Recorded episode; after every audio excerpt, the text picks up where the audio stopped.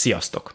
Ebben az adásban Weber Gábor televíziós szakkommentátorral, autóversenyzővel, újságíróval beszélgetünk. Nemrég megjelent könyve lesz a téma, nyilván a Forma 1, az autóversenyzői karrierje, és az, hogy milyen hobbiai vannak. Azokon meg fogtok lepődni. Forma 1 a 21. században.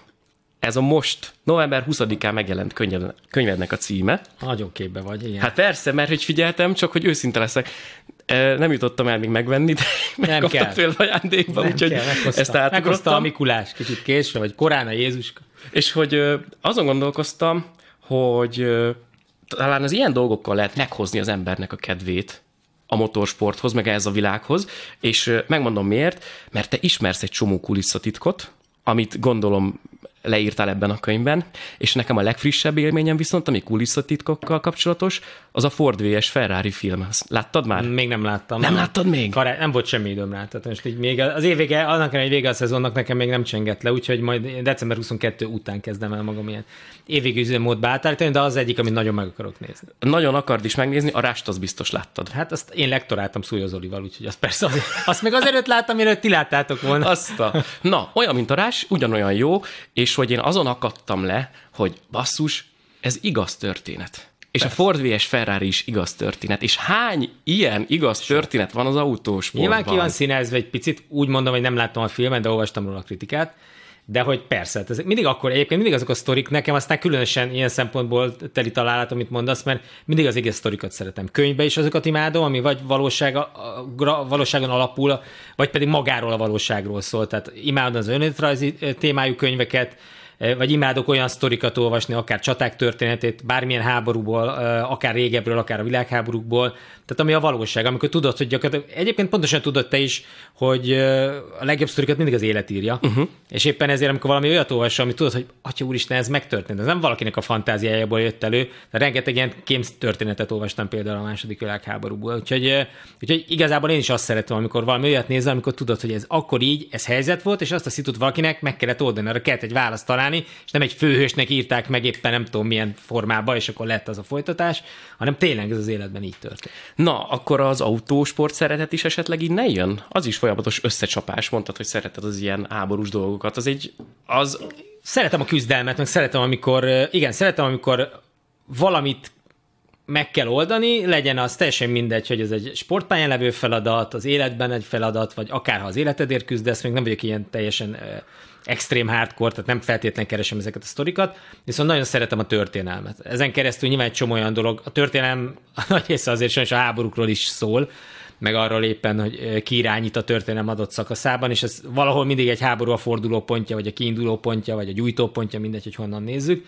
De hogy érdekel, az a világ is, amiben élünk, az a világ, ami, ami kezdődött korábban, vagy amiből kialakult az, amiben most élünk. Tehát ezzel például sokat foglalkozom, ezt kevesen tudják rólam, de nagyon-nagyon szeretem. Pont ezt akarom mondani. Annyira imádom ezt a műsort, mert csak bedobok valamit, és rögtön kiderül a vendégről egy olyan oldala, amit szerintem nem nagyon ismernek. Nem, ezt nem is ezt... hangoztatod, vagy de ez... miért hangoztassam? Mert tudod, hány dolog érdekel, ami nem tartozik senkire, mert az én maga... a magánéletemet különben nagyon védem. Tehát sokan Aha. kérdezik azt, hogy hogy ha már így négy szem közt beszélgetünk, hogy miért nem kurvulok el egy kicsit, ez szerintem belefér. Persze. Hogy, hogy kicsit többet adjak magamból, a gyerekeimről, a, a, a feleségemről, ugye a családértelmről, és akkor mennyivel többet szerepelhetnék, és mennyivel többet hozna.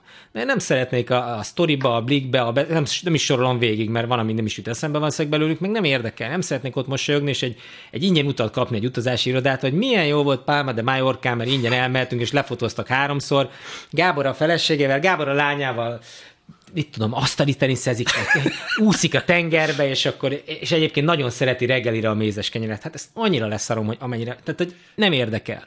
Van, aki meg ebből él, de ez ne, én nem ebből akarok. Te nem ebből, nem is ebből élsz, Több azért... fontos különbség köztem, meg, meg szerintem a legtöbb celeb között, hogy, és nem csak köztem, sokan vagyunk még így, hogy sokan mondják, hogy de te híres ember vagy. Nem, én ismert ember vagyok, én nem híres ember vagyok. Én csak ismert ember vagyok, mert valami olyat közvetítek, amit jó esetben másfél millió ember néz, de nagy átlagban fél millió, egy millió ember néz, és ezt csinálom 18 éve. Emiatt nyilván nagyon sokan ismernek. Megismernek az utcán, ha elmegyek most karácsonyra vásárolni, ott is megismernek. Szóba, most, ahogy megálltam és bedobtam nálad a parkolópénzt, a túloldalon a, a, az egyik biztonsági rögtön megszólított, és elkezdett velem beszélni a Forma 1-ről. Tehát, hogy, de ezt már megszoktam, mert ez már régóta zajlik, tehát ezt tudom kezelni, de hogy én ettől még csak ismert vagyok, de híres nem vagyok, meg hírhet sem vagyok, és nem is szeretnék, tehát én nem törekszem arra. Ha valamiért törekszem, nyilván most itt a könyv, és vegyétek meg, de hogy, de hogy ezt is például úgy csinálom, hogy próbálom nyilván amennyire lehet a marketinget tolni, mert nyilván ha már megírtam, és kiadtam, és beleraktam egy csomó pénzt, akkor szeretném, hogy minél több emberhez eljusson. Egyrészt azért, mert nyilván azért csináltam egy üzleti vállalkozást, meg azért, amit te mondtál, és ez az elsődleges célom, hogy egy csomó olyan dolgot is megtudjanak, amit esetleg nem, nem tudnak megadásból, éppen nem nézték azt a szabad edzést, aztán nem tudom, mit, amikor arról beszéltem, és az került szóba, hanem hogy összességében egy olyan összképet adjak a Forma 1 ami egyben így soha nem volt meg is leírva Magyarországon, de még külföldön is nagyon kevés ilyen típusú könyvet ismerek, ami ennyire összeszedte volna, hogy miről szól most mondjuk a Forma 1. Igen, mert hogy ö, egy átlag embert megkérdezel, aki mondjuk nem nézi, és nem a pejoratív értelemben mondom, hogy átlag, hanem egy olyat, akit nem érdekel. Nem érdekel, csomó vannak ilyen. Igen, ránéző, jaj, mennek körbe-körbe, ebbe semmi érdekes nincsen. És hogy én mindig megpróbálom nem meggyőzni, csak megpróbálom megmagyarázni azt az oldalát, hogy hú, ez a gyerek mondjuk innen jön és hogy így küzdötte végig magát. Hú, itt most egyébként olyan kört kell ö, futnia, hogy az előbb ment egy, mit tudom én, 1.41-et, és rászóltak, hogy most 1.39-et, de ne 1.38-at, és ne 1.40-et, hanem 1.39-et menjen, és meg tudja csinálni a pilóta, illetve most most kerékcsere lesz, és bizony 2,2 alatt sikerülnie kell a legrosszabb esetben, különben oda az előny, és hogy ez egy annyira több rétegű, annyira összetett világ, hogy ha az ember nincs benne régóta, akkor igazából így ez, ez nem tudok haragudni arra, hogy nem látja át, de hogy egy kicsit akkor ez a küldetés tudatod is benne van, hogy bemutatsz ilyen sztorikat? Az a küldetés tudatom benne, hogy részben igen, most csak egy részét érintetted, és annak is egy, egyfajta oldaláról, nem feltétlenül onnan, innen fogtam meg. Az például jól eltaláltad, hogy mindenkinél levezetem mind a 20 versenyzőnél az idei szezonban, hogy honnan jöttek és miket nyertek a Forma 1 előtt, mert hogy egy csomóan csak azt látják, hogy valaki 18 12 ó, az mit keresett, biztos befizették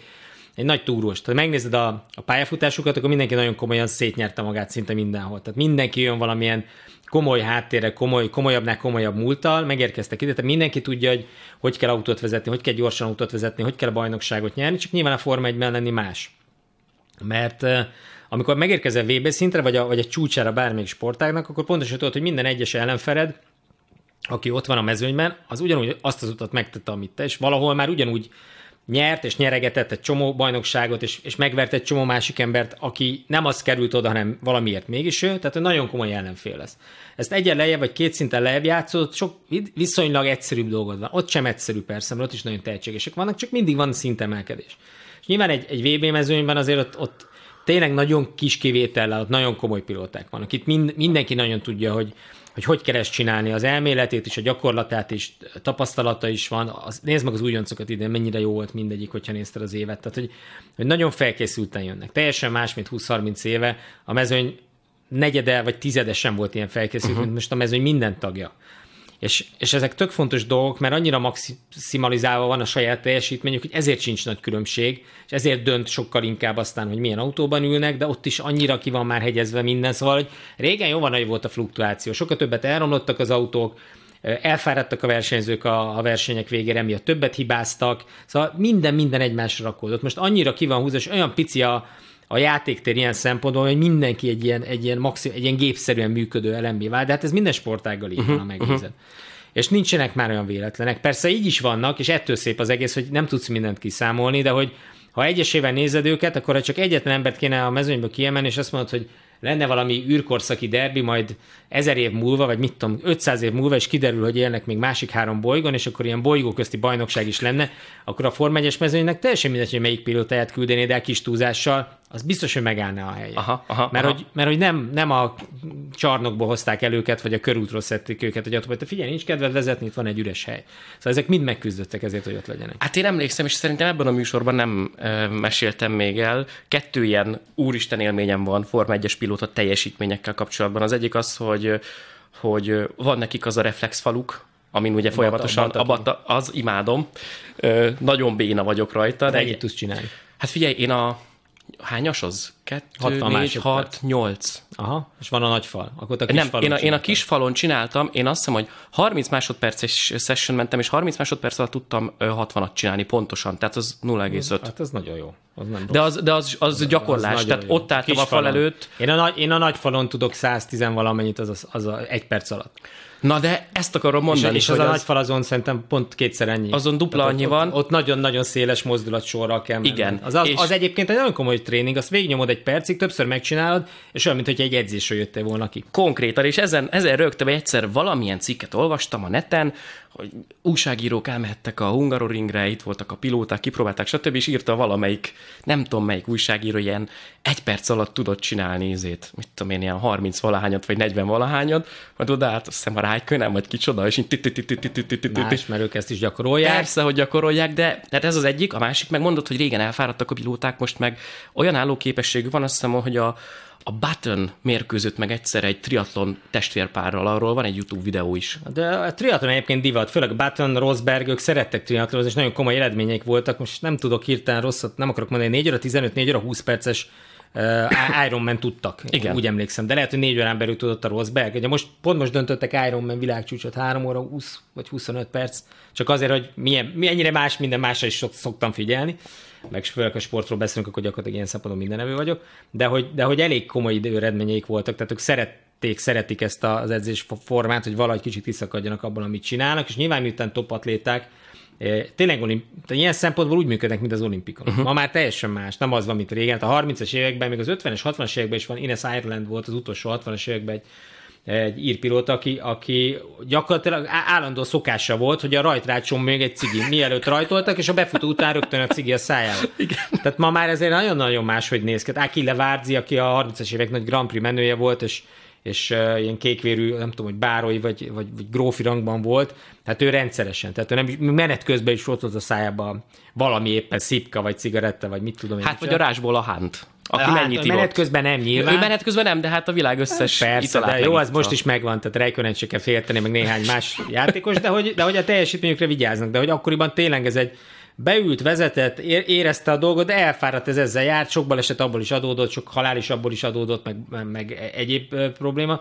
Ugye ma már ez nincs, ez nagyon leszűkülve, nagyon, nagyon ritka az, amikor, amikor ilyen szintre eljutnak, és nyilván azért mondom, hogy igazából tényleg olyanok, mint az olimpikonok, miközben sokan még ma is azt gondolják, még profi sportolók, meg olimpikonok közül is, hogy épp múltkor csodálkoztam rá, nagy tímára, a kétszeres olimpiai bajnok vívónkra, hogy, hogy ilyen szem, vagy párbajtőzőnkre, hogy ő is azt gondolja, hogy hát ez nem akkora terhelés autóban ülni, miközben, de hogy nem, csak ezt ugye, ha az ember kívülről nézi, akkor valóban azt gondolja, hát most mi az ember be van az a szíja, az a forgatja a kormány, és nem tudják fel, nem tudod kívülről felmérni, hogy milyen 4 és 6G között autózni, megáll, vagy 3 és 6G között autózni folyamatosan. Ugye max féktávon ilyen 5-6G hat rád, a legnagyobb lassulás, kanyarban 3-3 és fél Jézusom. 4G, és az át, át, átlag helyzetben is ilyen 2 és 3G között mozogsz, tehát a gyorsulással együtt is ott vagy. És ez folyamatosan kapott. Tehát olyan szintű, mint hogy állandóan ö, valami óriás Godzilla rángatna, vagy King Kong, és másfél-két órán keresztül minden irányból csavarnának, nyűjnének, miközben neked nagyon koncentráltnak és pontosnak kell maradni. Tehát úgy kell saktáblánál sakkoznod, vagy egy cérnát állandóan átfűznöd a, a tűfokán, hogy közben folyamatosan valamilyen irányból mozgatnak, Igen. és ezt neked meg kell tartani. Törzsizmokból, meg nyakadból, felkarból, válból, csomó minden olyan szitu van. Hát például azért tudom tapasztalatból, és ezt mondjuk a többiek is el tudnak mondani, akik ve- versenyeztek bármilyen szinten komolyabban, hogy ha leülök és szimulátorozom, akkor az a különbség köztem, meg szerintem a között, aki soha nem vezetett igazi versenyautót, ahogy otthon vezeti a szimulátorot, hogy én sokkal kevésbé vagyok laza a szimulátorülésben, mert elkezdem ugyanazt csinálni a testemmel, amit az autóban. Tehát úgy préselek a hasfalammal, hogyha megyek otthon a szimulátorba, ahogy a valódi autóban préselnék. Miközben, ha te nem ültél még így, nem tudod, hogy mit kell csinálnod, nincs meg ez az izommemóriád, és nem is hat, ülsz, és tök lazán vezetsz. Miközben én ugyanúgy rákészülök a kanyarra, miközben nem ér az az erő, de pontosan végig van feszítve az egész hasfalam, amíg kanyarodok, és utána lazítok egyenesbe, hogy amit a valóságban is csinálok, és a kanyarban megint megvan az a levegő, és utána levegővel, utána nem veszel levegőt. Tehát és ez, ez, ezek a reflexzerű dolgok, és csak ha ezt gondolod végig, hogy csak ezt csinálod másfél órán keresztül, hogy megfeszít, elernyeszt, megfeszít, elernyeszt, rákészül balra, jobbra, előre, tehát iszonyú nehéz, ez egy, ez, tudom milyen, és csak túrautóból tudom milyen, ott is durva sok esetben. Hát és akkor még De nem, messze nem olyan durva, mint formautóban. És nem beszélünk akkor arról, hogy bizony az autónak, ha ki akarják aknázni a, a tökéletes teljesítményét, akkor kanyarról kanyarra kell néha tekergetni a fékerő elosztást, meg a teljesítményt, meg stb. ezt csinálják és miközben kanyarodik, teker, Hát kanyar előtt, és ugye, kanyar előtt, előtt, tehát- feszít, Ugye ez úgy néz ki menet közben, ez egy automatizmus egyébként, ha tudod, mit csinálsz, akkor ezekre nem figyelsz. Tehát ugyanúgy, ahogy beszélünk, járunk, mozgatjuk a kezünket, és nem kell elkoncentrálni, meg az egyik lábunk a másik elé tesszük, és levegőt is tudunk venni közben. szóval egyszerűen fested le, igen. De hogy ez így működik, megtanulod és működik. Tehát, hogy, hogy nyilván van rá képességed, kialakul, csinálod, és mindent megtanulsz magadtól. Nyilván mindig az új helyzet a nehéz, amikor valami másra kell. Tehát amikor valaki följön Forma 1 azért ott végig kell tanulni a gombokat, meg a kezelési útmutatón végigmenni, hogy mit, hova akarok, mi, mikor, honnan jön, és rögtön reagálni nehéz rá, de utána beívódik, és és mit tudom én, hát a fékerőt mindig kanyarból kifele van a lazítás. Ugye, ahogy megcsináltad a kanyart, és már kijöttél, és már nem kell arra figyelni, hogy az autó stabilizálódjon, vagy kitörhet a feneke, mondjuk, hogyha nagy, túl nagy gázt adsz. Ahogy egyenesbe kerültől, a következő féktávig laza. Minden laza, ha nem vagy versenyhelyzetben, és nem éppen a másikat figyeld a tükörbe, vagy küzdesz, vagy ott megy előtted, és próbáld megelőzni. És akkor van időd arra, amit egyébként kívülről úgy néz ki, hogy hogy a fejnében lenne, hiszen mész 250, 300, 320 a formautó, vagy 350 tök nyugi van.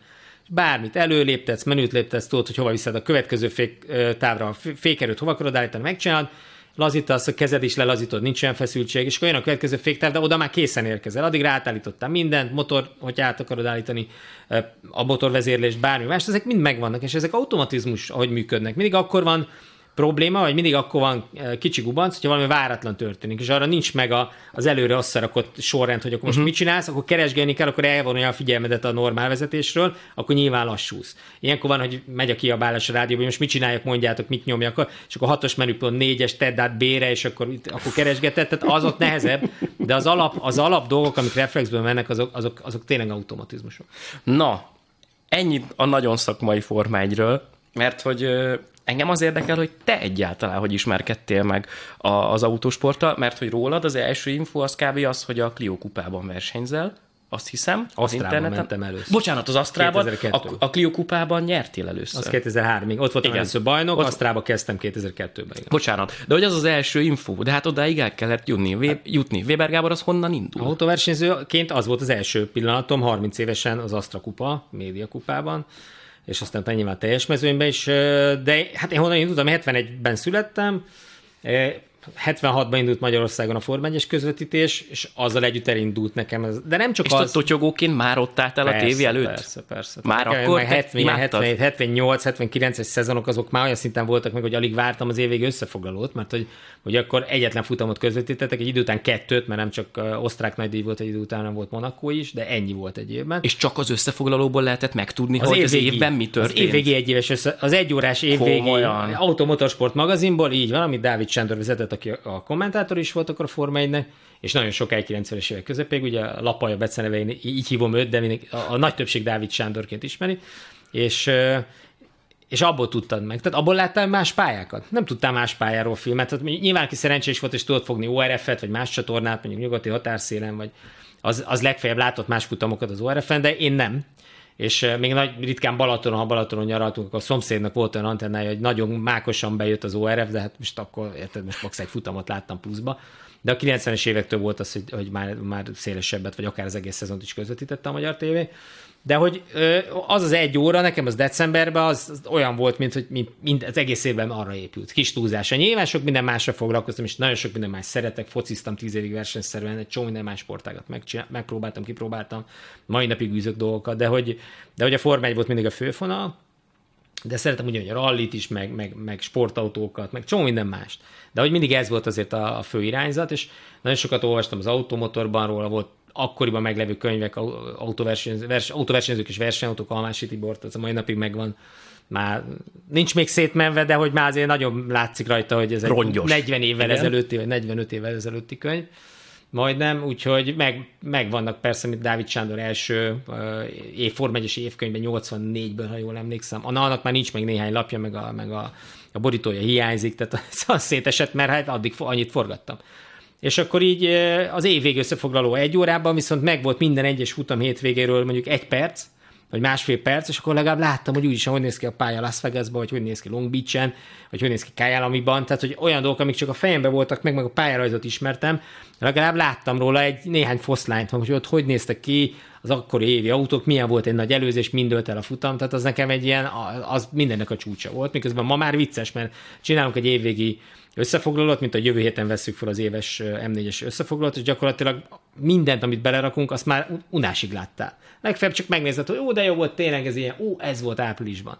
De ennyi, de akkor, akkor láttam először. Amit addig esetleg írásban ismertem, mert az automotor utolsó oldalain Dávid Sándor írt mindig egy ilyen egy-két hasábot az aktuális futamról, néha két hét csúszással, hogy mi történt, legalább onnan tudtam az eredményeket. Aha. Tehát tudtam, mi a VB állása, mi az eredmény, és nagyjából mi történt a futamon, ennyi. De, de tényleg az egy nagyon elveszett korszak volt, vagy én nagyon a, a fű alatt voltunk ahhoz képest, amit ma, ma megérünk. De akkor mi alapján jutottál el odáig, hogy akkor én most beülök egy autóba, egy legyen az bármilyen, és megpróbálom ezt ö, versenyszerűen vagy hivatásszerűen űzni. Ez jött magától, tehát ez, ahogy, ahogy az autósport szeretette, úgy nyilván a kíváncsiság is ott volt bennem, hogy milyen lehet versenyezni, mindig szerettem volna autót vezetni, és azzal együtt persze szerettem volna versenyezni, és, és nyilván hogy az első ilyen szerencsétlen programok, még a pitstop meg volt Commodore-on például, amit billentyűvel a három pixelt mozgattál balra-jobbra, azt is szénnél játszottam, meg az összes többit, ami később jött, ezért kezdtem el szimulátorozni, és aztán. Úgyhogy mindig szerettem volna versenyezni, csak hát nyilván ez egy, ez egy nehéz. Drága sport. Nagy kihívás volt. Hát azért. most különösen az én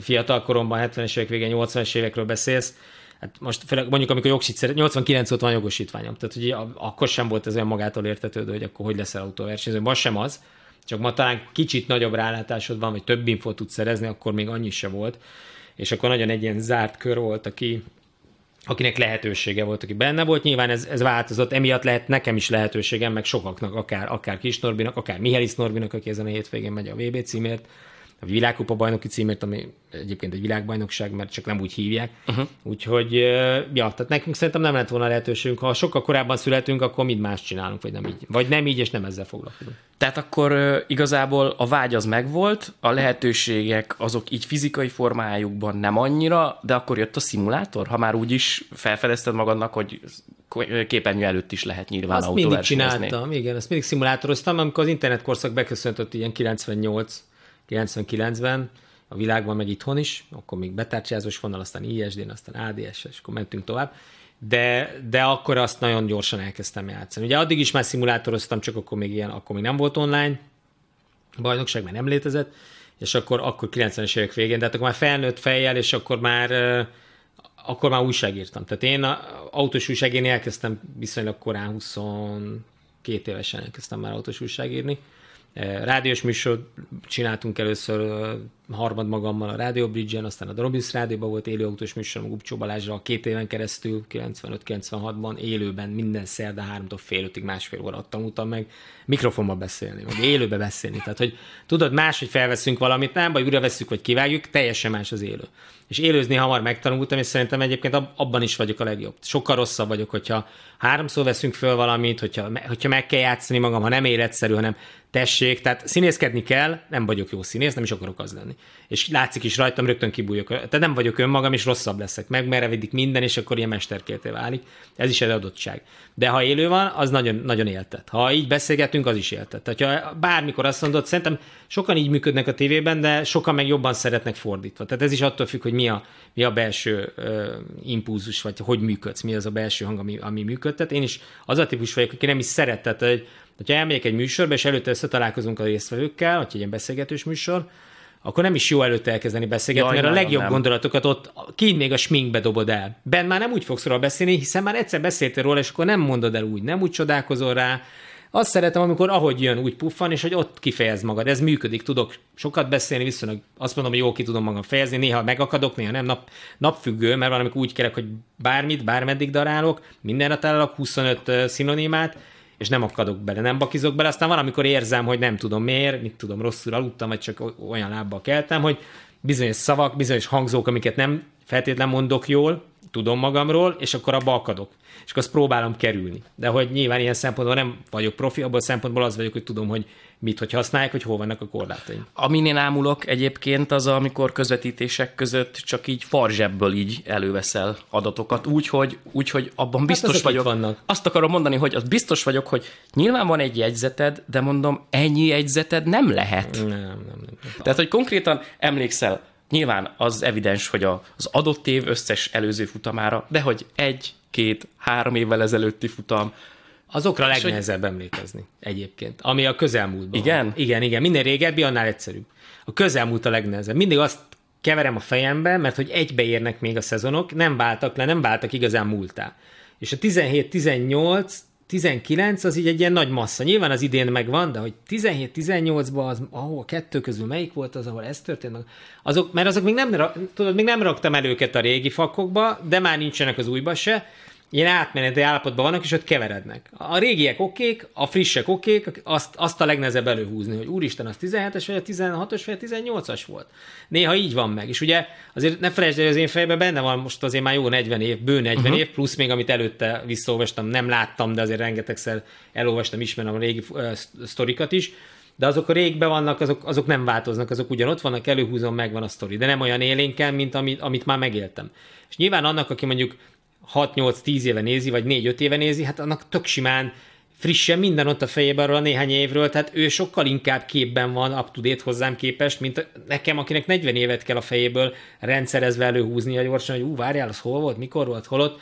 Emlékszem, ezred másodpercre köridőkre adott esetben időmérőkön, meg, meg, meg ilyenekre is, de hogy és ugye ezt tényleg csak fejből tudod előhúzni, tehát nincs az a akármilyen gyorsan keresel, miközben beszélsz, nem tudsz nem elkezdeni lehet. keresni, hogy most mit akarok keresni, tehát már a címszót sem tudod jól beírni, hogy akkor konkrétan mire keresek rá, és az meglegyen, és ez nehéz. Aztán van persze, hogy valamiben bizonytalan vagyok, vagy, vagy érzem, hogy nem volt meg, csak, el, csak elmondom, hogy úgy rémlik, de majd mindjárt megnézem, és akkor amíg a másik beszél, lehet, hogy rákeresek, de az x perccel utána hozom meg, hogy olyan jól mondtam, nem rosszul mondtam, két éve korábban volt, vagy nem tudom, de hogy ezekre mindig így, így kapásból, persze nyilván fejből. Hát nem. Egyébként nincs sok jegyzetem, tehát alapvetően négy négy vagy öt papír van előttem. Ezt akartam kérdezni, hogy néz ki? Azt tudom, egyszer elárultad még nekem. Szerintem privátban, hogy igen? Nem neked, de Azt gondolom, de hogy, hogy egyszer mondtad, amikor ugye két évvel ezelőtt forgattunk, azt hiszem pont ilyenkor decemberben egy, egy szerintem nagyon vicces videót, ahol te tanítottál minket szimulátorozni, mi meg livestreameltünk veled, és azt is nagyon szerették a nézők, erre is emlékszem,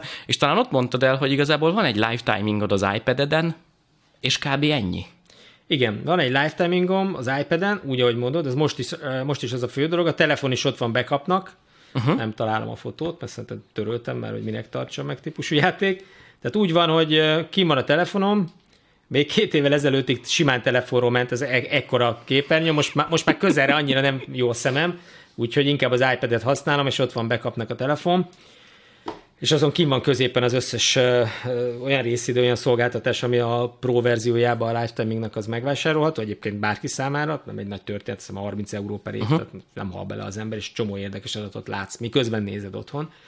És ö, arról kommentálok, azok a, az a fő adatsorom, és azon kívül van egy papírom a pályarajzzal, amire egy-két dolgot még rájegyzetelek, de a nagy, nagy csak, az, csak azért tudom, hogy merre megy a pálya, de hogy melyik kanyar, kanyar szám szerint pontosan hol, mert a 16-os, 16, most én azt lehet, hogy név szerint hívom azt a kanyart az adott pályán, hogy meglegyen, hogy, hogy összehozzam, hogyha valaki pont azt mondja a rádióban, akkor ja, most a Aizéról beszél a második szektor négyes kanyarjáról, vagy az XY nevű kanyarról, és akkor pályaadatok nyilván nincs a fejemben az összes pálya méterre pontos hossza, azért azt oda leírom, mert ezt föl, el kell mondani valamikor, főleg ugye amióta én vagyok a vezető kommentátor, alapadatok ott vannak, uh-huh. körrekord ott van, az aktuális körrekord, azt is ráírom, és akkor utána van egy, nyilván egy aktuális tabellám, tehát konstruktőri és egyéni világban kiállás, hogy hogy áll a pontverseny, ami majd vasárnap érdekes a befutó után, akkor változott ki mennyit, hogy merre. Akkor van egy érdekességekkel, ami a pályával kapcsolatos pálya adatai, hanyadik futam, hanyadik Grand Prix, mikor építették, milyen, hát ki hányszor nyert, Azt hány pol van, és akkor ez megvan egy kis papíron, de figyelj, ezt ezt egy, a Pirellinek van egy ilyen jegyzetfüzete, minden évben osztanak a pedokba az újságíróknak, az egy ekkora, egy, olyan egy ekkora lapon. Tehát tényleg van, és egy, egy ne, nem mondatokat képzelj el, címszavakat, uh-huh. szavakat. Gyakorlatilag gondolatokat írok le magamnak, hogy tak, tak, tak, tak. Hogy, hogy meglegyen, a, hogy milyen témaköröket érintsek, vagy mi az, amit még, hogyha kell, akkor oda vissza tudok nyúlni, hogyha nem beszéltünk, vagy egy piros megszakítás vagy bármi más szünet van, akkor legyen még téma, amit földobok, és akkor szoktam magamnak még így jegyzetelni a hétközi érdekességeket, vagy a két futam közti főtémákat.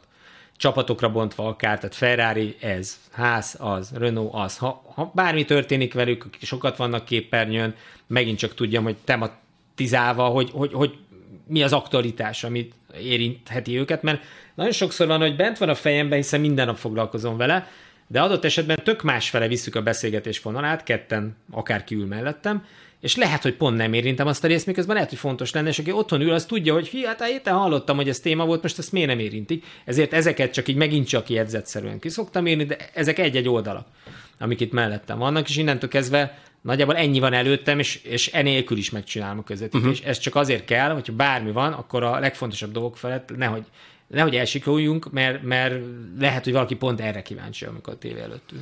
Úristen, csak azok jutnak eszembe, hogy tényleg mennyi történés van, hogyha az utóbbi években visszagondolok, és csak ilyen, ilyen nagyobbakat mondanék, ami bárki más számára értelmezhető, aki nem vágja a Form 1 hogy mikor a, a Ferrari-tól lelépett a, a mérnek és átvitte a teljes ö, specifikációt, meg mindent a, a McLarenhez. Igen. Például, amit egy kvázi ez egy kém sztori. hát ez így ipari vagy, vagy amikor ugye a Briátorát eltiltották, mert a... a botrány a, Szingapurban. A, a Szingapurban, hogy Piqué, a, a kis Junior. Piqué, Piqué Juniorra hozzávágatta az autót a falhoz, hogy az Alonso megnyerje a futamot. Igen. Tehát, hogy, hogy ezek valami egészen elképesztő dolgok is, hogy ez már nem pusztán autóversenyzés, hanem ez egy külön világ.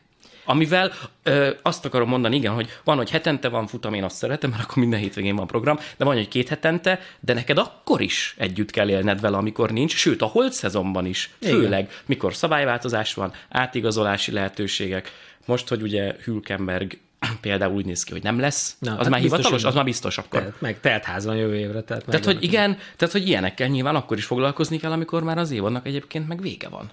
Nyilván foglalkozom, és folyamatosan posztolok, tehát tegnap is, mint a elutasították a 2020-as Pirelliket, egy csapat, összes csapat azt mondta egy tetőleg, hogy maradjanak az idei gumik, a Pirelli hiába fejezte a jövő azok nem lesznek annyira jók, vagy azok még annyira se jók, mint az idejek, úgyhogy maradjon az. Tehát mindig van valami. Nyilván azért karácsony körül picit elül a sztori, mert az ők is pihennek, meg karácsonyoznak, és akkor januártól megint elkezd jönni egy-két történet, és amikor jönnek az autó bemutatók, így január közepe vége fele, és aztán februárban folyamatosan az első tesznapig, addig, akkor megint felpörög. De addigra már hiányzik is. Tehát, hogy jó az a néhány hét szünet, amikor azt mondom, hogy nem kell napi szinten eh, ezen megfeszülni, mert csak másnap nézek rá a sztorikra, akkor se csúsztam le semmiről. Aztán van olyan időszak, amikor viszont, hogyha kiadsz egy fél napot, akkor is durva. Vagy volt olyan, hogy nagy bejelentés úgy jött a nyáron, hogy uh, épp nyaralni voltam, és még tudom, délután négykor megnéztem, amikor visszajöttünk a strandról, vagy ötkor semmi nem volt, elmentünk vacsizni, és egyszer csak vagy tudom valamelyik Red Bullos, talán a Ricardo Menezte, igen, Ricardo átszerződése, az olyan sem derültékből villámcsapás volt tavaly, hogy, hogy tudom, nem is tudtam megfogni, mondom, úristen, ez pont, mit mondom, ezt hogy hozzák most ki augusztus elején, amikor mindenki nyaralni van, ekkora baromságot, este tízkor jött ki ráadásul, úgy emlékszem.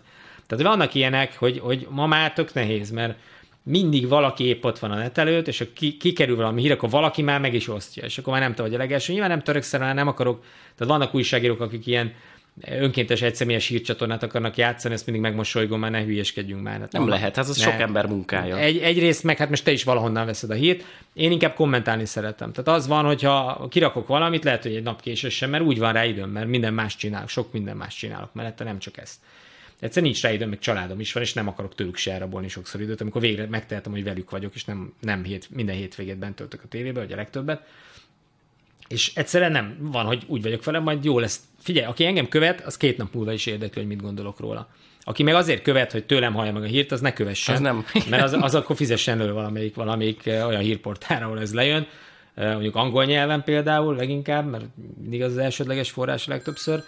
De ilyen szempontból eh, most is dolgozom tök más. de, hogy, de hogy én szeretem, szeretem a saját véleményemet rakni, néha csak egy-egy mondatban, vagy kettő-háromban ilyen magasan. Nem is szeretik mindig, mert ott azért szeretem leírni, amit első blikre gondolok, amit néha bántó, legtöbbeknek, főleg a szurkolói vénával tud. Ha uh-huh. valaki ellen mondok, vagy valakiről mondok negatívet, akkor rögtön mindenki magára. Azt tudom, ha valaki ellen, akkor a szüleit szívnál, vagy saját igen, magát. Ha valaki mellen, akkor, mellett, akkor meg biztos imádod. Persze, igen. igen. És nem el... tudsz itt okos lenni. Tehát nem. Itt, akkor tudsz okos lenni, ha nem csinálsz semmit. Ha nem csinálsz semmit, akkor hülye vagy. Miért nem szólsz hozzá, hiszen biztos azért nem szólsz hozzá, mert nem értesz hozzá. Ha valamit meg akarsz osztani, akkor csak okoskodsz, ha erről beszélsz, akkor annak drukkolsz, ha akkor ellene drukkolsz, nem szereted.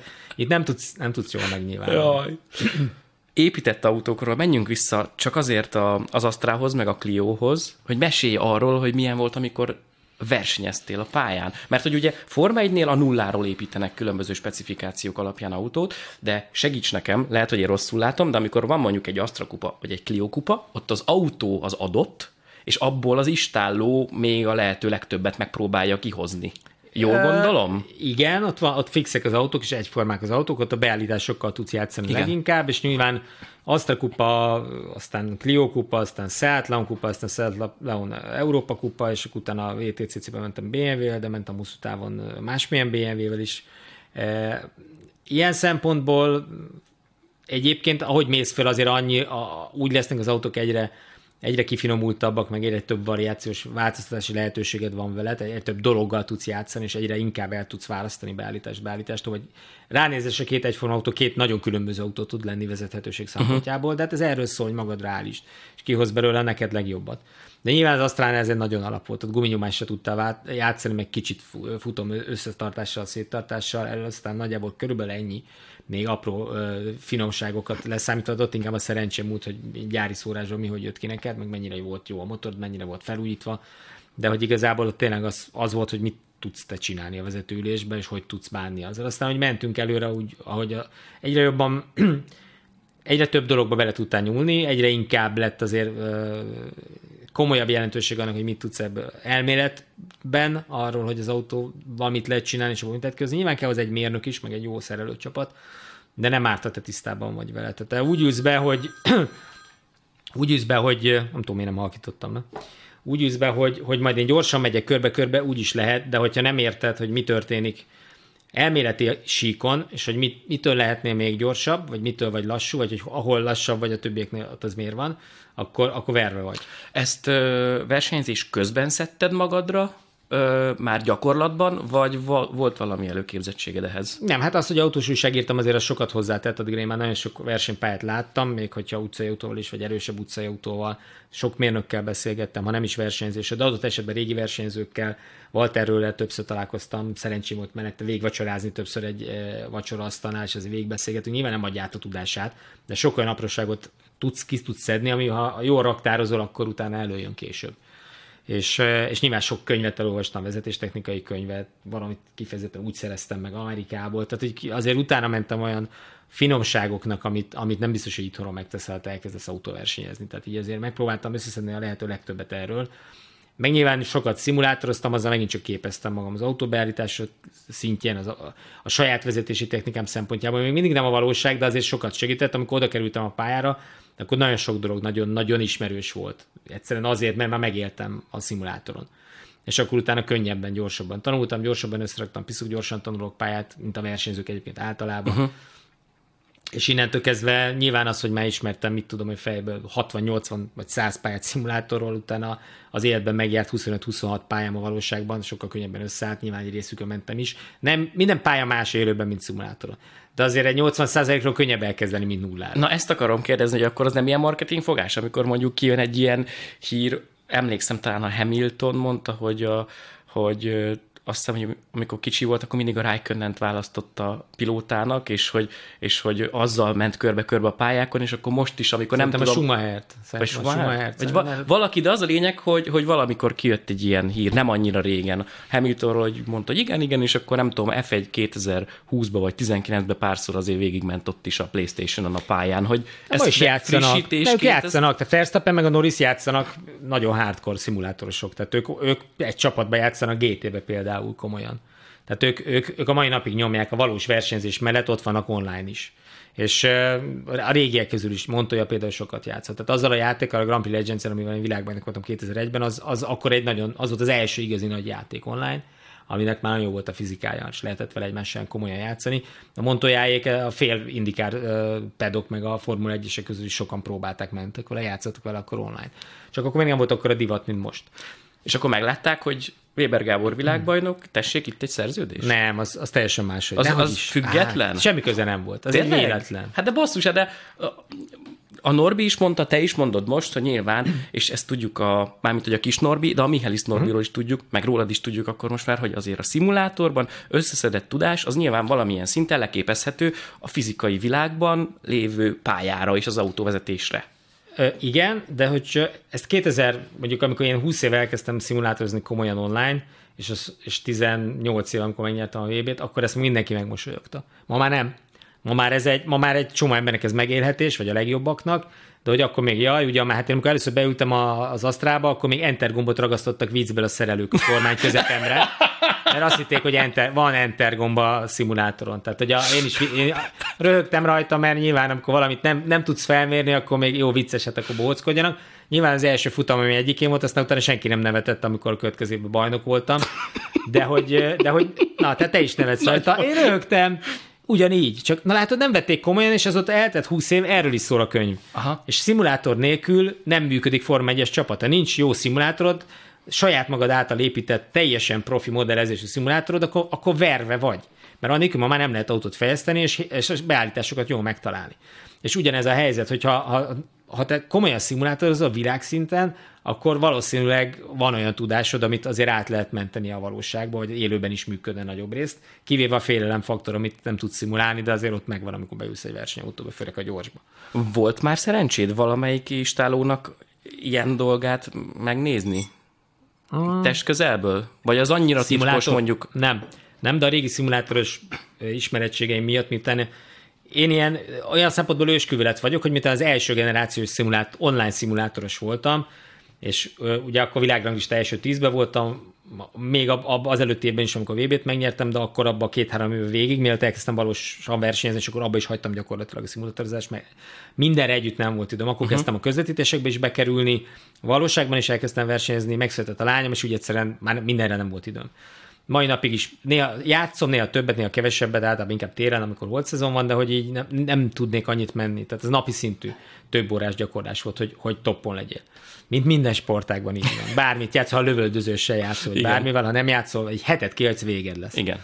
És, és az, az ilyen szempontból egyébként azért volt nehéz, mert hogyha, hogyha azt felismered, hogy ez jól megy, és, és lehetne belőled valami, akkor még inkább nehez, nehéz uh, úgy oda kerül, vagy úgy elhesegetni a gondolatot, hogy basszus, ezt csinálhatnám élőben is, vagy na akkor volt óriás szerencsém, hogy autós újságíróként, az automotor külsőseként kaptam egy lehetőséget, független attól, hogy én VB címet nyertem online, mert ezt szerintem az engőzölő nem is tudta, hanem az automotornak ajánlott egy autót, és Szabó Robi, az automotor főszerkesztője a mai napig, azt mondta, hogy figyelj, hát ki nálunk, ha nem te akkor menjél. Azt a kupa, egy kis bohóckodás, újságíróknak majd 25. helyen bejössz, de ha megvehet a többi újságírót, milyen jó. Milyen jó. Na, és akkor bementem, és akkor ötödik lettem abszolút év végén, és ott az élmezőnyet csatáztam. És az egy, az egy nagy felismerés volt nekem is, amikor azt gondoltam, hogy nem van ott 30 autó, de jó lenne benne lenni legalább az első 15-be, vagy valahogy a 15-nél nem kijebb lógni, és amikor az első hétvégén a második futamon szakadó elsőben második helyen végeztem,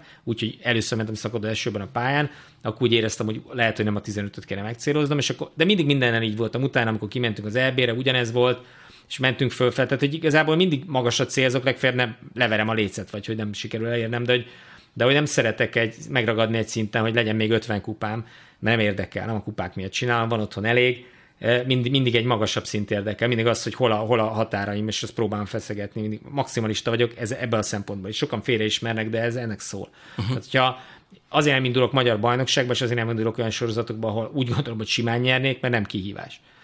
Ott uh-huh. szeretek menni, ahol kihívás van, és inkább vagyok tizedik valahol, és utána rágom a kefét, hogy miért mentem ebbe így bele, vagy miért nem máshogy csináltuk az évet, mert, mert így jött ki, úgy jött ki, nem volt elég alkatrész. Tehát az inkább kihívás, mint hogy hú, hol lehetne úgy oda nevezni, a tuti bajnok vagyok, és akkor már 49-es magyar bajnok lehetnék. Hú, de hát ez marhára nem érdekel. Aha. Sokan ezért csinálják, meg így csinálják. Engem ez nem érdekel. Uh-huh, uh-huh. A félelem faktort azért megemlítetted, és erről a Norbi is, kis Norbi is beszélt. Az, az Igen, amikor... Hát igen, kis Norbi elég tökös gyerek. Tökös gyerek, de nagyon őszinte Mint az a pillanat. Is, persze. de az egy nagyon őszinte pillanat Egyébként volt. szerintem egyikünk sem. Nem akarok szabadba vágni, de Szerintem, aki komoly szinten autóversenyzik, az, az abba senkiben nincs olyan típusú félelem, amit utcai emberként félelemnek gondolsz. Azt gondolom. Viszont mindenkiben van egy jó önkontroll. Mert ha tök hülye vagy, akkor elsőként törsz autót, sose, sose fogod befejezni. Tehát kell egyfajta visszatartó erő, amit hívhatunk félelemnek, inkább csak a határok ismerése. Tehát, hogy tud, hogy mi a 100%, meddig mehetsz el 99,9-ig, és hogy ne ess át rajtam, mert ez nagyon fájni fog. Meg az autót is összetöröd, és akkor nincs versenybefejezés de hogy ezt, ezt viszont nagyon simán megközelítjük, és hogy ez nem is érdekel senkit. Egy átlag sofőr már 80, a 80-tól fölfele már elkezd nagyon remegni, nem is biztos, hogy 90-ig elengedi. Mi simán elmegyünk 99-ig, ez igaz mindenkire, rallisra, rallycrossosra, túrautósra, formautósra, magyarra, külföldire. Csak ebből kevesen vagyunk, vagy nincsenek olyan sokan, de ez, és az a kérdés, hogy te mennyire tudsz közel kerülni ez a határmesdjehez, és ott milyen közel tudod tartani, meddig, milyen hiba százalékkal. Ez dönt a jó, meg a nagyon jó között.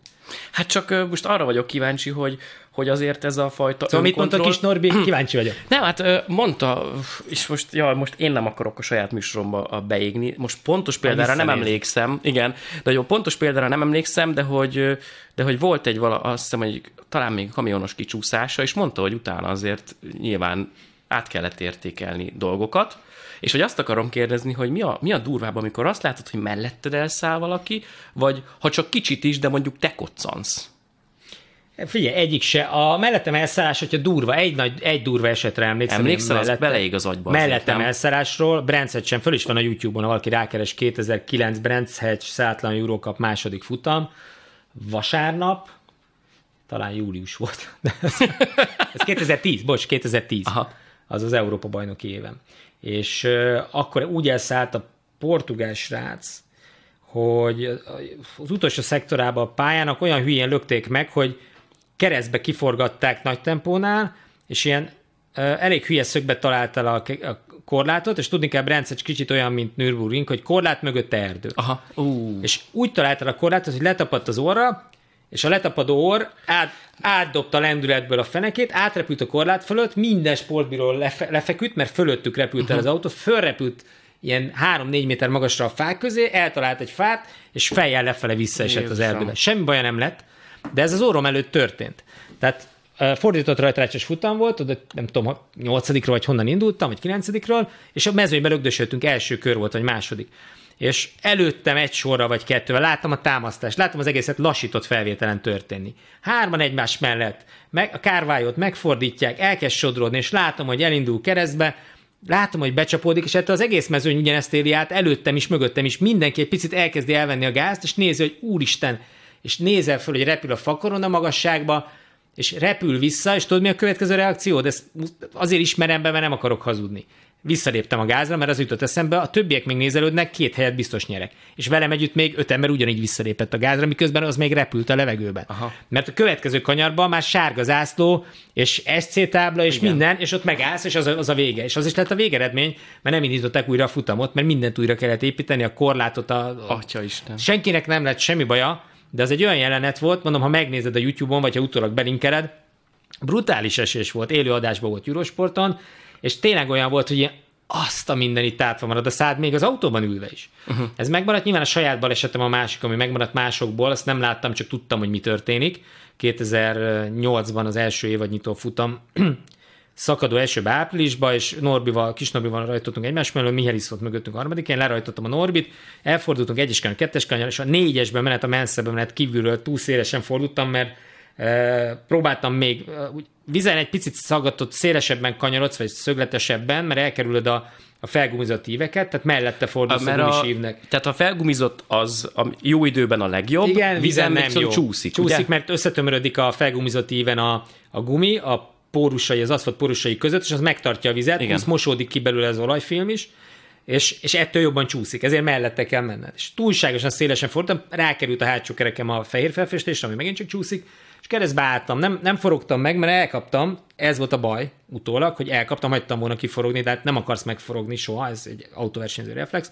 És én T alakba 90 fokba csúsztam oldalra. Tehát elkaptam, de nem, nem, nem állt irányba az autó, hanem csúszott, csúszott, csúszott, és megálltam pont a mezőny előtt.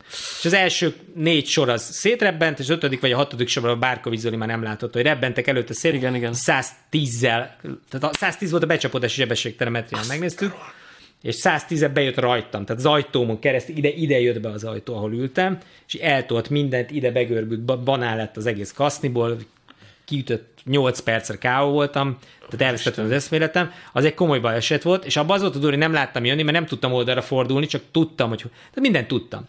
Olyan, mint hogyha kimennél a strádára, lefeküdnél, és tudod, hogy három másodpercen belül valaki elgázol. És tudtam, hogy keresztbe csúszok, minden megvolt, és számoltam vissza, hogy mikor jön az ütés, mikor, bum, és a következő az, hogy a pályakorázba fölébresztenek, de magamhoz térek. Uh-huh. És a kettő közt egy ilyen álomszerű lebegés, hogy motorzaj, meg... De ez nem maradt meg, kicsit se bennem. Aha. De így a, a csattanások zaja megvan persze, meg amikor jobban eltalálnak, meg az órom előtt mennek össze, tehát azokat megszokod. Azokat annyira megszokod, hogy nem számít, mint ahogy a, a, a háborúban is egy idő után már géppuska ropogás nem, nem zavarja a katonát. igen. Ugyanezt, tehát hogy engem egy, egy utcai baleset, mindenki megijed meg, amikor csattan, akkor óriási a pánik, meg a stressz, mert hogy mindenki megijed a, a bető, az összetörő üvegzajától, meg pusztán csak a, a tompa puffanástól, hogy csattan az autó karosszéria karosszéria. Uh-huh. Ezt a túrautózol, ezt úgy megszokott, hogy ez, fele, ez fölsed, olyan, mint a te, teáskannát odarakod, és fütyül jó. És hát semmi, ez ezzel jár. Atya Isten. Na most csak a laikusok kedvéért, így mondtad, hogy ilyen lassított felvételbe láttad a, a balesetet, hogy ugye én néha elmegyek gokartozni barátokkal, de már a gokartnál is megvan ez ha pedig az nem megy gyorsabban, mit tudom én, 60-70-nél szerintem a, a gokart. De hogy beülsz, és benne, van egy, benne vagy egy ilyen 15 perces sessionbe, és kiszállsz a gokartból, és így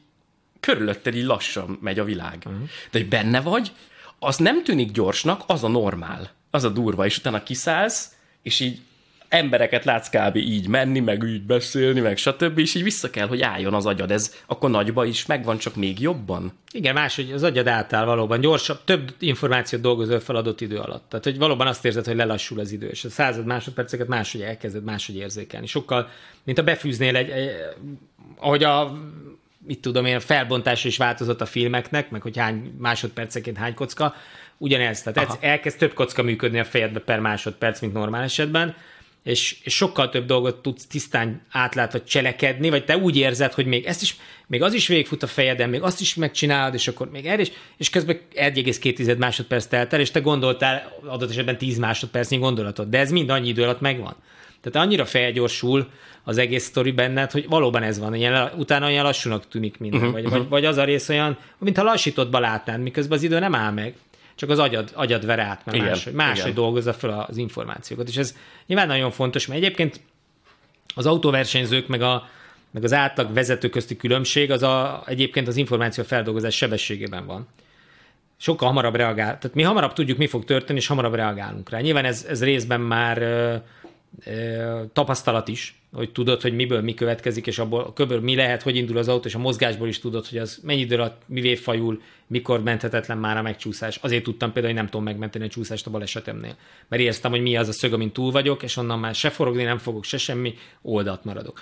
És, és ez ugyanez, hogy olyan gyorsan dolgozunk fel, és választunk ki, hogy azért fogjuk hamarabb megcsinálni, és azért tudunk gyorsabbnak reakcióban, nem azért, mert a reflexünk jobb, a reflexünk is jó egyébként, mert voltunk ilyen vizsgálaton Norbiékkal is, akár uh-huh. mással is, és, és jobb az átlag igen. reflexünk, de hogy azért is van ez, mert hogy sokkal hamarabb kiválasztjuk a, a jó megoldást az adott szituációról, hamarabb elemzünk, gyorsabban választunk, és hamarabb meg lesz a jó megoldás. Tehát amikor te agyad még a megoldást keresi, az én agyam már tudja a megoldást, és ki is adta a parancsot, és én már mozdulok. Uh-huh. De még csak két tized másodperce később mozdulsz, de addigra már késő. Aha. Ezért kell kisebbet, kevesebbet korrigálni. Én már tudom, hogy mikor indul, és akkor egy pici mozdulattal még el sem indult az autó, amire te belenyúlsz, már lehet, hogy nem is tudod megfogni. Igen. Tehát, igen, hogy ez, igen. ez a különbség. Ha, ha ezt ilyen tudományosan akarod vizsgálni, vagy agyi szempontból nézed, akkor ez, tehát ez a vele született dolgok, meg a tanú dolgok összessége egybe, amiből ez egy iszonyatos előnyé válik a pályán. Uh-huh.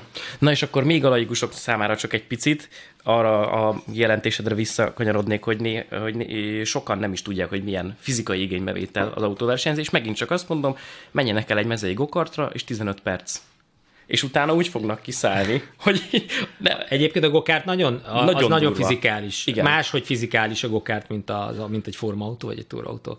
Miután egész testből vezeted, az olyan, mint a motoroznál kicsit. Tehát ott mindened mozogott, ott súlypont áthelyezel, együtt élsz az egésszel. Egy formautóban sokkal jobban az autó része vagy. A gokártban te magad vagy szinte az egyik elem, a formautóban azért az autó maga az elem, te meg csak a része vagy és ugyanez van a túraautóban is. Uh-huh. Tehát, hogy érzed a mozgásokat, de máshogy kapod az erőket, viszont viszont nagyobbak az erők. Tehát a gokártban elcsúszik a gokárt egy ponton túl, és a, fe, a karod dolgozik, a nyakad dolgozik, a vállad dolgozik, de hogy meg a hasizmod dolgozik, de azért alapvetően nem tudsz egy ponton több oldalerőt átvinni, vagy fékezéssel átvinni, míg egy, egy szárnyakkal rendelkező formautóba, vagy egy jó túrautóba, vagy egy jó sport, egy GT autóba sokkal brutálisabban hatnak ezek rá. Igen, csak ugye sokaknak nem ö, is adatik meg, hogy beüljenek egy Ja, versenyautóba, persze, nehéz és hogyha nem, nem tudja az ember elképzelni azt, hogy milyen egy olyan gyorsulás, ami nem egy szem, vagy egy, nem, az, nem csak a gyorsulás, az talán a legkönnyebb elképzelni, hogy így ö, belepréselődsz az ülésbe, hanem mondjuk kanyarodás közben milyen gék hatnak. Bocsánat, közben dolgozom, és mond- Igen, mond.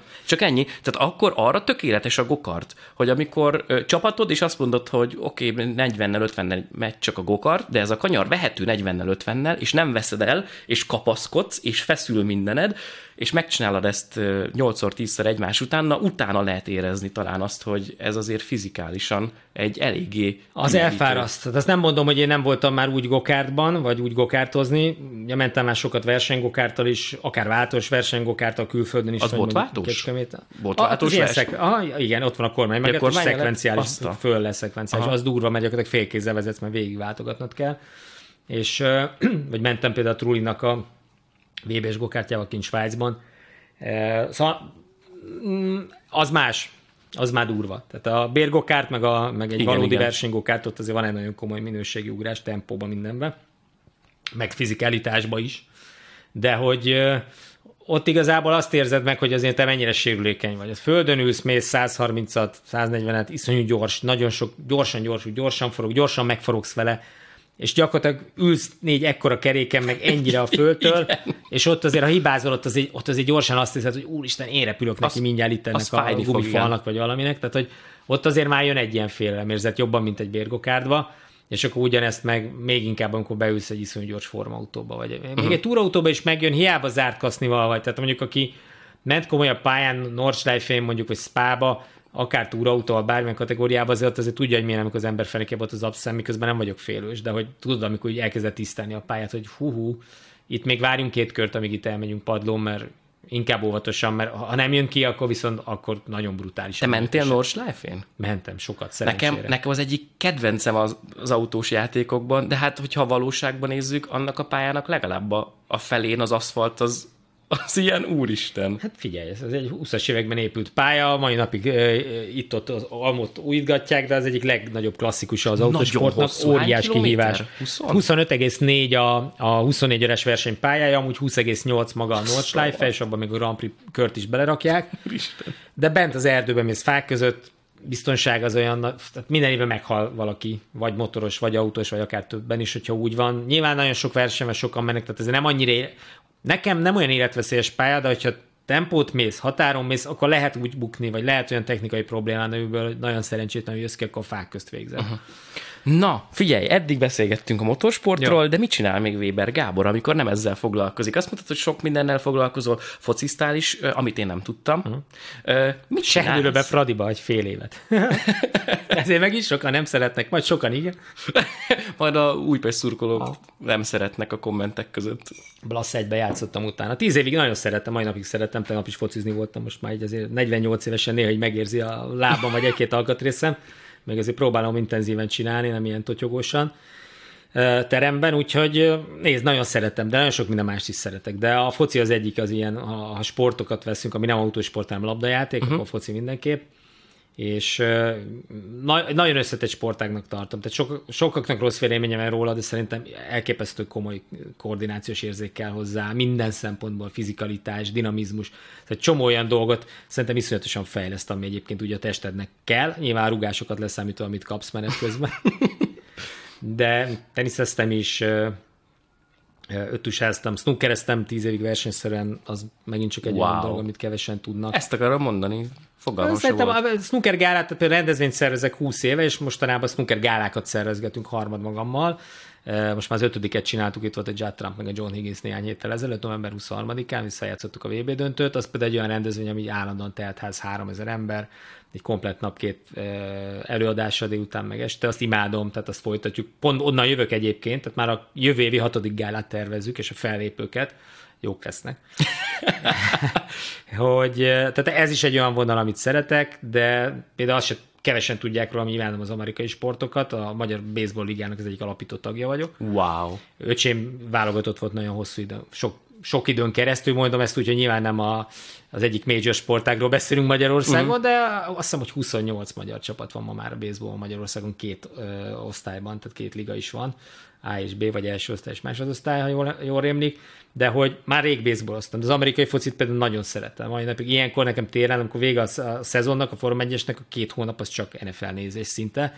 Nyilván a dartsot is szeretem, most jön a VB, akkor azt is szoktam nézni. Neked csak a sport körül forog az nem, életed? Nem, nem, nem, nem, nem. Csak ahogy mondtam neked, imádom a történelmet, imádom a, imádom a földrajzot, imádok ilyen témájú könyveket olvasni. E, Néha írok, imádok írni, persze most a könyv is fontos, hogy e, szerencsére jól megy, iszonyú nagy siker, és e, ebben bíztam, hogy olyan könyv lesz, hogy ezt szívesen olvassák, olyan információkat adok át, amik, amik nem voltak meg, még ha valaki sokat is utána olvas dolgoknak, egy csomó olyan hézagot be tudok vele tömködni, ami nem volt meg sehonnan máshonnan, nem tudott róla. É, folyamatosan top listákon vagyok, ilyen 5-6-7. helyen van, ahol az online listán második vagyok a Frey mögött. Tehát ezek, ezek nekem sokkal fontosabbak, mint hogy most ki mit mond a könyvről. Tehát, és én maximalista vagyok, de a magam korlát, tehát a magam korlátét és a magam elvárásait akarom megugrani és nyilván tök jó a visszajelzés, meg kell is, mert hazudnék, azt mondanám, hogy nem, de hogy nekem az a fontos, hogy ez, ez szeressék, és azt látom, hogy szeretik, és innentől kezdve tök jó volt megírni, és már minden percét megírtam, amit belefetsződtem. Kicsit gyorsan kellett befejeznem, vagy kicsit összetömörítettem, meg későn döntöttem, hogy megcsinálom, és nagyon-nagyon-nagyon gyorsan kellett írnom, ezért nem lett teljesen olyan, ha már maximalizmusomat akarom Aha. kihozni.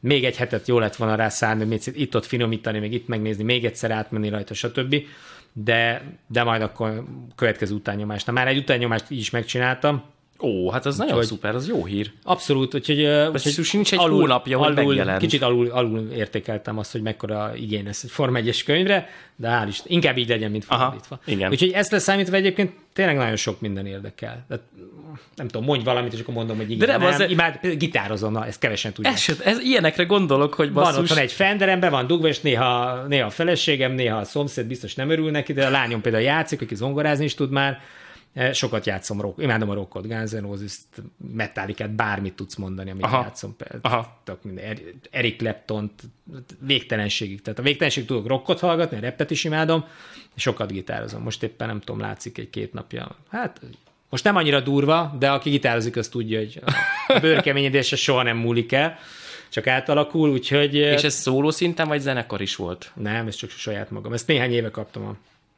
az akkor még nem feleségem, feleségemtől. Ajándékban magamat már nem, nem tudtam vele meglepni, egyszerűen nem volt rá energiám. Azt éreztem, hogy ha vennék egy gitárt, akkor foglalkoznom kéne vele, de nem, nem lesz rá időm. Ezt akartam kérdezni, hogy egyáltalán hova fér bele? E- ez Valahogy a... beleteszem, nem tudom.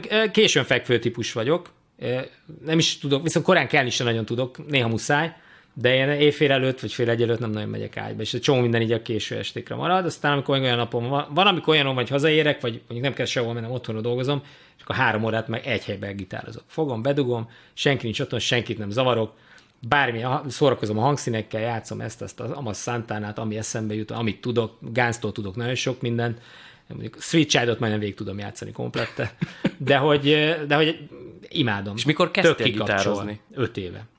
A nulláról? A nulláról. Öt éve nulláról? Aha, a nulláról, igen, és azt kaptam, úgy kaptam ajándékba a gitárt, hogy kaptam mellé néhány órát a Gál Gábornál. aki a Takács Tamásnak az egy gitáros, ami nagyon sok minden másról is gitár. Ez Gábor azóta nagyon jó barátok vagyunk, már lányom is tanult nála. Néha lemegyek megnézni egy-egy klubkoncertjét, ha van időm. Már régen voltam, úgyhogy most már le, pont tegnap néztem az egyik posztját, hogy hol játszik, na le kéne már mennem megnézni, mert nem beszéltünk már egy pár hónapja de hogy nyilván Gábor tanított pár dolgot, de magam nagyon sok mindent. A lányom meg iszonyú gyorsan tanult, tehát ő nyilván 16-17 éves lesz lassan, gondoltad, hogy milyen sebességgel tanul dolgokat, ami nekem több idő, de azért megvan, és egyébként néha együtt játszunk. És a legjobb érzés, mit tudom, Knocking on Heaven's Door-t úgy játszuk, hogy Vanda játsza azért az alapot, én meg szólozgatok bele, és néha improvizálok bele, meg ő is, uh-huh. és piszok jó úgy játszani a saját gyerekeddel, hogy szól. Tehát nem az van, hogy szar, hanem az van, hogy basszus, ez jó. Nyilván nem játszanék egy koncerten közönség előtt, de hogy kettőnk, úgy vigyorgunk ilyenkor ketten, hogy már csak kezén megérte a gitárt a kezembe venni.